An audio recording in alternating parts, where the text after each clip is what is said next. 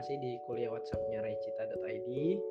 Semoga malam ini bisa sharing-sharing bareng teman-teman, uh, berbagi kebermanfaatan dan mengisi waktu teman-teman uh, di rumah.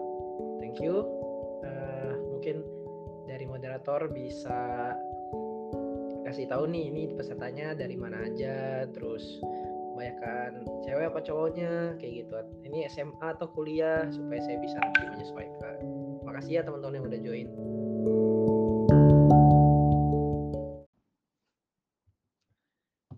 teman-teman. Jadi uh, saya coba jelasin dengan suara ya.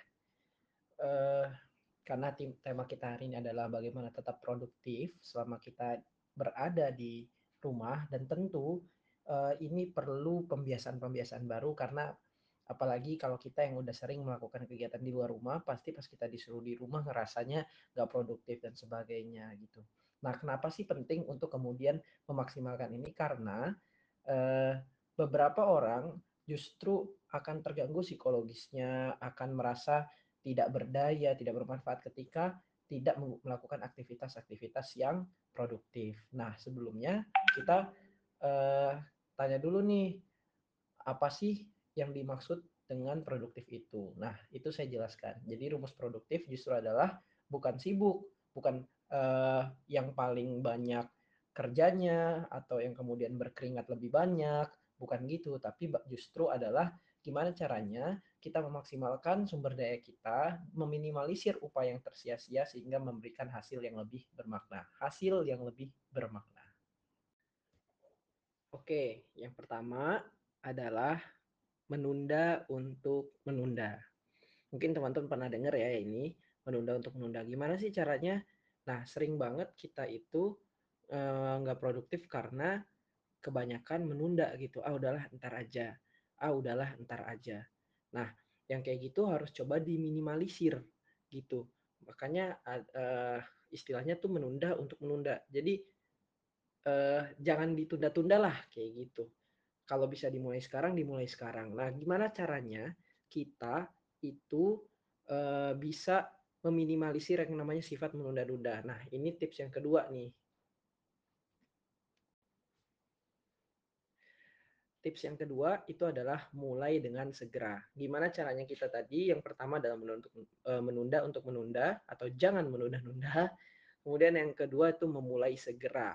Jadi gimana caranya kita tadi nggak menunda ya mulai dulu gitu.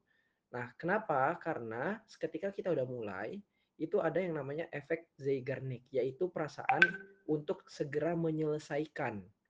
Contoh kita nih mau nulis, kita mau nulis.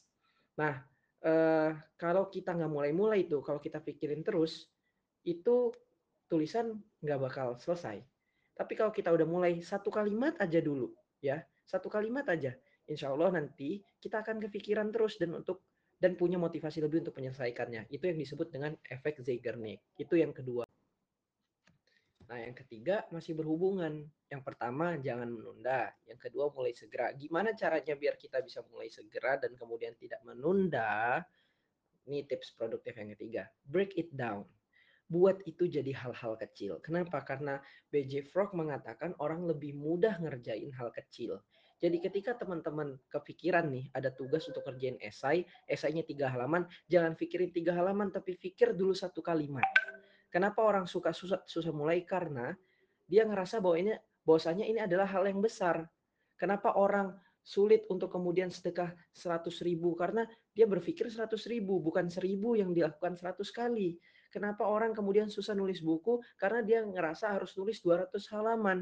Padahal eh, dia paradigma adalah menulis 200 halaman bukan menulis satu halaman selama 200 hari kayak gitu. Nah, jadi yang pertama adalah jangan menunda, yang kedua mulai segera supaya ada efek Zeigarnik, yang ketiga adalah break it down, mulai dari hal kecil.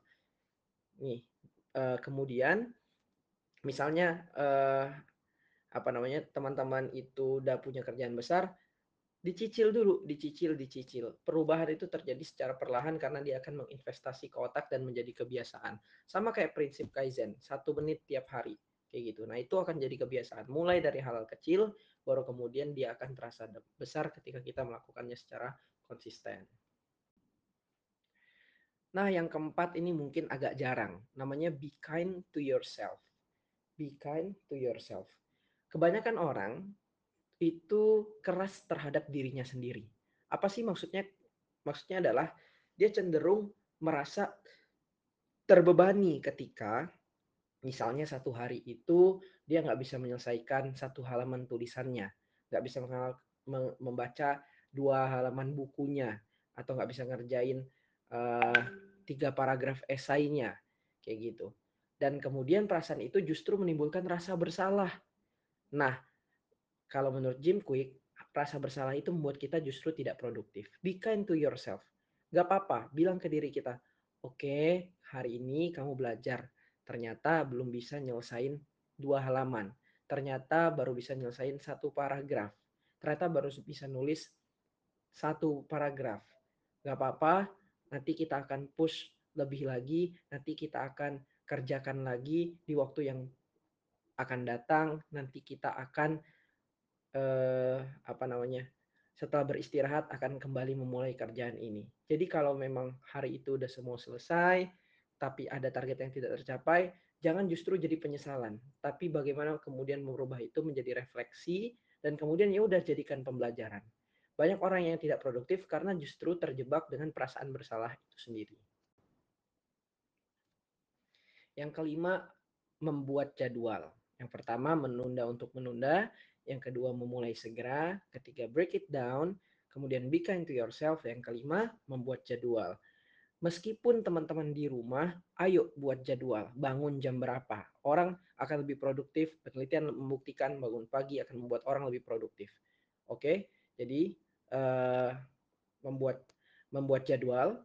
Jadi pagi itu jam bangun misalnya subuh, kemudian setelah subuh itu mau ngapain? Ya, olahraga, lari pagi, ya, atau di rumah karena di rumah berarti lakukan olahraga di rumah. Kemudian uh, membaca buku misalnya 45 menit dan sebagainya dan sebagainya. Jadi meskipun di rumah tetap buat jadwal kegiatan apa saja yang dilakukan. Nah, dalam membuat jadwal ini teman-teman bisa nggak harus sifatnya rutinitas, bisa uh, sifatnya itu variasi. Misalnya kalau kemarin itu jadwalnya uh, baca buku dulu, oh mungkin nanti ditukar nulis dulu. Atau kemudian jadwalnya uh, adalah olahraga uh, push up diganti dengan sit up. Kenapa? Ini untuk menghindari yang namanya kebosanan. Jadi, Kak saya bosan di rumah. Bosan itu obatnya cuma satu. Apa? Lakukan hal baru, lakukan variasi. Variasinya nggak usah muluk, yang sederhana aja untuk kemudian menghindari kebosanan. Sekali lagi yang kelima adalah membuat jadwal. Nah, yang terakhir nih, yang terakhir itu adalah find your why.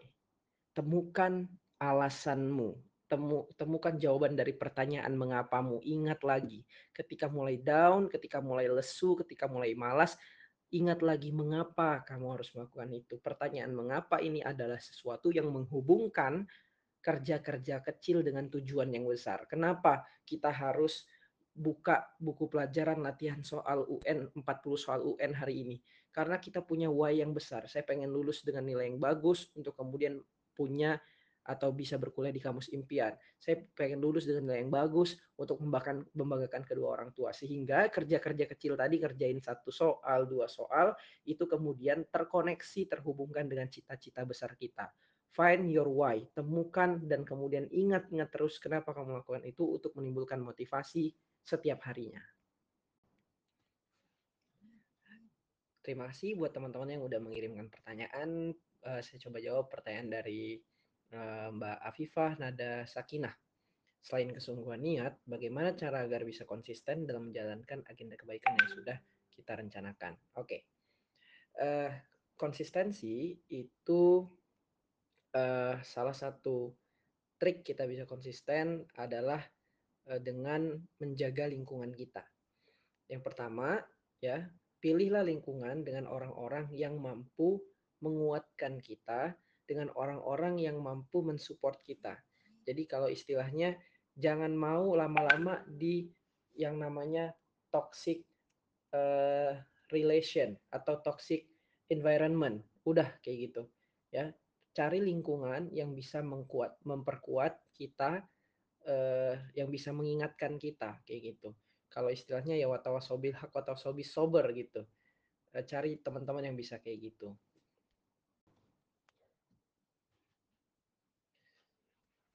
Nah, selain lingkungan yang mendukung kita, ya, ada lagi yang kemudian bisa mendukung konsistensi kita. Apa? Yaitu membuat uh, perencanaan yang uh, smart, spesifik, measurable, achievable, uh, memiliki uh, reachable. R itu adalah sebentar Uh, T-nya itu timing. Intinya intinya saya lupa yang R. Astagfirullah. Smart intinya kita punya tujuan yang uh, smart, spesifik, terukur, bisa kita capai, kemudian uh, ada wak ada jangka waktunya. Jadi tujuannya itu nggak abstrak, rencananya itu nggak abstrak, nggak terlalu besar tapi juga nggak terlalu kecil. Jadi dia besar, tujuannya besar, tapi kita punya rencana-rencana kecil yang kemudian membuat kita bisa lebih mudah untuk mengerjakannya step by step. Kayak gitu. Nah, yang ketiga, ini masih uh, tips untuk kemudian konsisten ya. Cari kalau tadi teman, kemudian bikin rencana yang smart. Nah, yang ketiga adalah mencari mentor. Jadi jangan lupa setiap setelah melakukan sesuatu coba tanya mentor yang lebih expert, yang lebih yang bisa kasih kita nasihat supaya kita bisa kemudian tahu apa saja kesalahannya, apa yang harus diperbaiki dan kemudian ter selalu terisi semangatnya uh, yang diberikan oleh para mentor kita. Kayak gitu ya.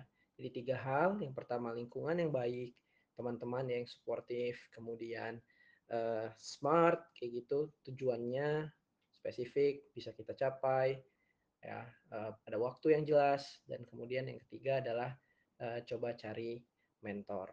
Nah yang tadi ini uh, konsistensi ini juga sangat erat kaitannya dengan why kita. Kalau why kita udah kuat nih kalau alasan kita bergerak ini udah kuat insya Allah ya kita bisa konsisten dalam mengerjakan kebaikan-kebaikan kita Pertanyaan kedua dari Arini Angger. Bagaimana cara Mas Fatur memaknai akan masa depan dan gimana cara Mas Fatur bisa memaksimalkan energi yang ada untuk tetap produktif? Karena saya sendiri tipe yang takut akan masa depan, entah mengapa itu. Serta agar tidak terlalu overthinking. Oke. Okay. Uh, eh, jadi prinsipnya belajar dari masa lalu, lakukan di waktu sekarang untuk mempersiapkan masa depan. Ada hal-hal yang nggak bisa kita kendalikan. Ada hal-hal yang sifatnya eksternal, yang kita yang di luar kemampuan kita, yaitu apa? Mengubah masa lalu dan mengetahui masa depan. Nah, berpikir mengenai atau uh, ya terlalu banyak berpikir mengenai hal-hal yang di luar kemampuan kita berpikir mengenai ketidakpastian itu justru dapat mengurangi produktivitas kita. Jadi apa caranya? Caranya adalah bagaimana kita fokus pada hal-hal yang bisa kita kerjakan. Jadi tinggalkan kemudian masa lalu hanya untuk menjadi pembelajaran, nggak usah banyak galau. Kemudian ya kerjakan yang bisa kita kerjakan saat ini untuk mempersiapkan masa depan. Ya, masa depan itu nggak bisa kita ketahui jelas. Gak itu adalah itu bukan domain kita untuk kemudian tahu bagaimana masa depan kita, tapi kita bisa merencanakan masa depan itu. Bagaimana dengan melakukannya hari ini, melakukannya dari sekarang.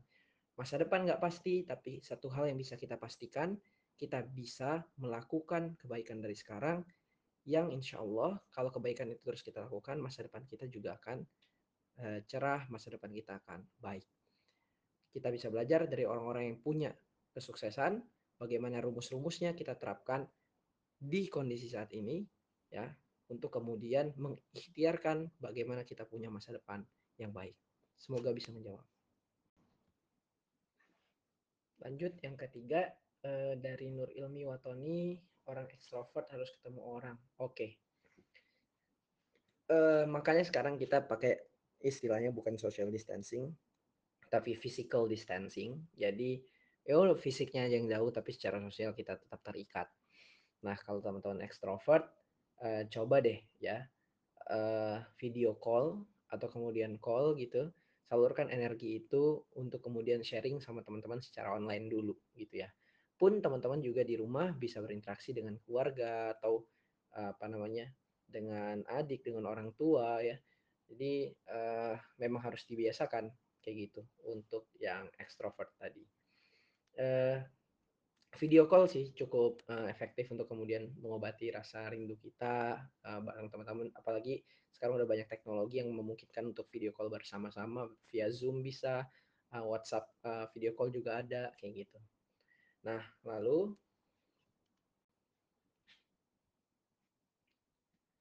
ketika kita punya banyak ide tapi nggak ada wadah untuk menyalurkan. Nah bener banget ya. Jadi Jim Quick itu mengatakan kayak gini ada head heart dan hand. Kepala, hati, dan tangan. Kepala memikirkan, hati merasakan, meyakinkan, tangan kita yang mengerjakan. Nah, kadang-kadang ya, kalau kita udah kepikiran nih di kepala, kemudian yakin banget dalam hati, tapi nggak bisa melakukannya dengan tangan, yang sakit bukan kepala kita tapi hati kita. Nyesek gitu, ah sayang banget ya, idenya nggak bisa tersalurkan gitu-gitu. Nah, gimana caranya untuk kemudian menyalurkan itu? Selain ditulis, benar banget, teman-teman bisa kalau saya strateginya adalah ya sharing sama mentor, sama yang lain untuk kemudian dicoba bagaimana eksekusinya. Saya adalah tipe yang uh, cukup bisa dikatakan orang yang konseptor ya, punya uh, mekanisme alur dan sebagainya bekerja secara strategis dan saya pasti punya teman yang kemudian bisa gerak secara taktis kayak gitu. Nah, ini kita perlu konsep-konsep kolaborasi sehingga kita yang punya ide ini bisa dituangkan dengan kawan-kawan kita yang ada di eh, orang-orang uh, yang ada di lapangan kayak gitu. Apalagi saya orang yang strategi planning banget dan sedikit detail, cuman action kayak belum merdeka, perlu ketampar gitu. Nah, ini ya teman-teman semua. Jadi ide itu nggak harus dipendam sendiri ya, bisa diceritakan supaya barangkali mereka punya uh, teman-teman kita punya uh, cara atau punya tips untuk kemudian mengimplementasikan ide itu gitu. Jadi sekali lagi penting banget untuk tidak sekedar menyimpan ide kita tapi ceritakanlah teman-teman bisa tulis, minta pendapat orang lain. Jadi menulisnya bukan hanya sekedar untuk kemudian melampiaskan ide kita, tapi justru untuk mengajak berpartisipasi, untuk kemudian berdiskusi bagaimana kemudian melakukan eksekusinya. Ini pengalaman saya, baru-baru ini. Saya uh, lagi campaign uh, 1000 disinfection chamber. Ceritanya sederhana banget. Saya waktu itu uh, lagi di Jakarta kebetulan, kemudian dari suatu acara bersama dengan seorang youtuber saya pergi uh, diundang di BNPB ketemu sama orang-orang. Tapi sebelum itu saya pergi ke dompet duafa. Di dompet duafa kita live saya ngobrol bareng. Kemudian cerita tentang program penangkalan corona itu dari awal sampai akhir. Banyak yang kemudian membagikan APD dan sebagainya dan sebagainya. Membagikan nutrisi kesehatan yang saya sangat appreciate program-program itu. Tapi kemudian ketika saya di kantor dompet duafa itu saya melihat satu alat. Alat ini menyemprotkan cairan desinfektan dan kemudian saya berpikir eh, bahwasanya alat ini harusnya bisa diproduksi dan ditempatkan di suatu tempat dan ternyata ide itu juga mau digagas oleh dompet duafa. Nah, sharing ide itu kemudian akhirnya tektokan, diskusi, tim dompet duafa punya uh, orang-orang di bidang desain, kemudian ada yang membuatnya, uh, kemudian kerjasama dengan kita bisa juga, ya akhirnya tadi ide itu bisa diwujudkan. Ada yang memproduksi, ada yang campaign, ada yang dokumentasi, ada yang galang donasi dan sebagainya gitu. Nah, tadi dari yang awalnya sekedar ngobrol di ruangan, ngelihat satu barang, akhirnya ide itu sekarang bisa muncul. Alhamdulillah udah hampir 100 disinfection chamber yang kita pasang. Dan menginspirasi juga di berbagai daerah, mulai dari Malang udah mulai pasang, Bandung, Palembang juga.